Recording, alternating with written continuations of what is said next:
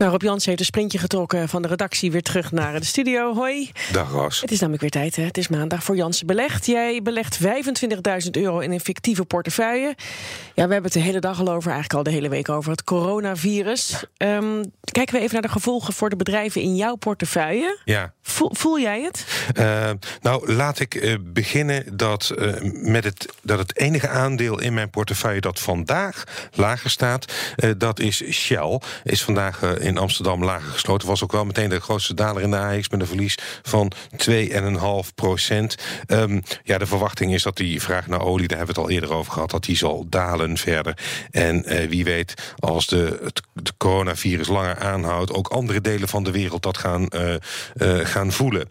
De rest staat vandaag althans in de plus. Maar een flink aantal bedrijven in mijn portefeuille, ja, dat zijn echte multinationals. En voor die multinationals is China ook de afgelopen twintig jaar veel belangrijker geworden als assetmarkt. Um, en dan moet je denken bijvoorbeeld aan Unilever. Heel groot in China. Uh, uh, die moet dat gaan merken in de omzet. 20% van die omzet namelijk, die bestaat bijvoorbeeld uit foodservice. Levering van uh, producten aan restaurants. Nou ja, niemand gaat meer uit. Dus dat, dat voel je direct dan, hè? Dat voel je dan inderdaad. Als je, als je een bedrijf hebt, we spraken Blokker eerder deze uitzending. Als ja. je een bedrijf hebt met voorraden... Ook, ja. Dan, dan, nou, dan kun je nog een voorraad aanleggen. Of die ja. heb je dan nog. En je hebt wellicht nog een schip dat onderweg is. Dus daar kun je het even uitzingen.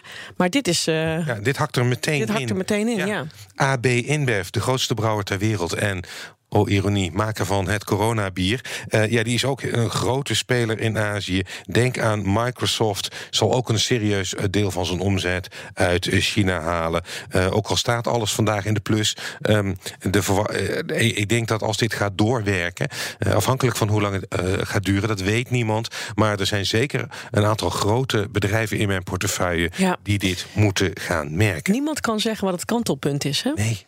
Niet nou, een week kan iedereen nog wel uithouden, nee. twee weken, maar ja, daarna dus, wordt het sommigen zeggen de zwarte zwaan, ja, ja. dat het uh, ja, een kantelpunt wordt.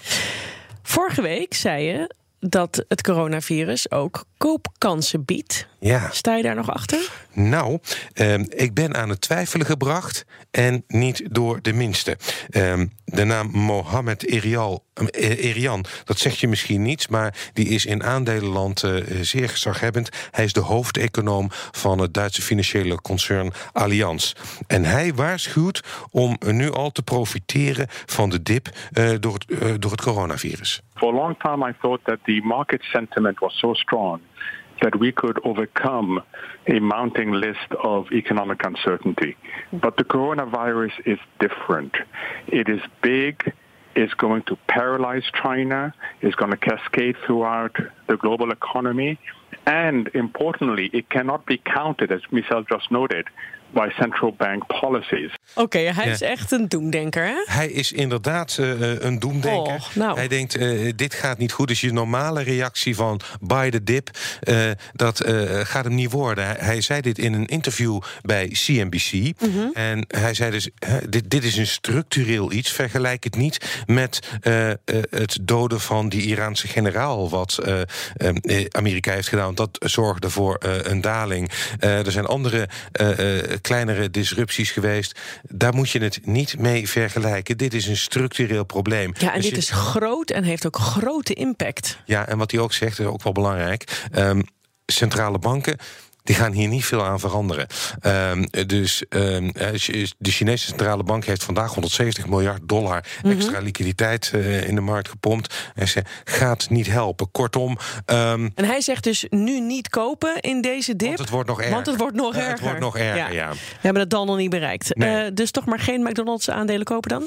Nou, ik Wat ben wilde wel aan het twijfelen. Wil ik, wilde ik wel doen. Ik ben wel hierdoor aan het twijfelen ja. gebracht. Want als je het nou hebt over bedrijven die ook heel erg groot zijn in China, dan is McDonald's er zeker eentje van.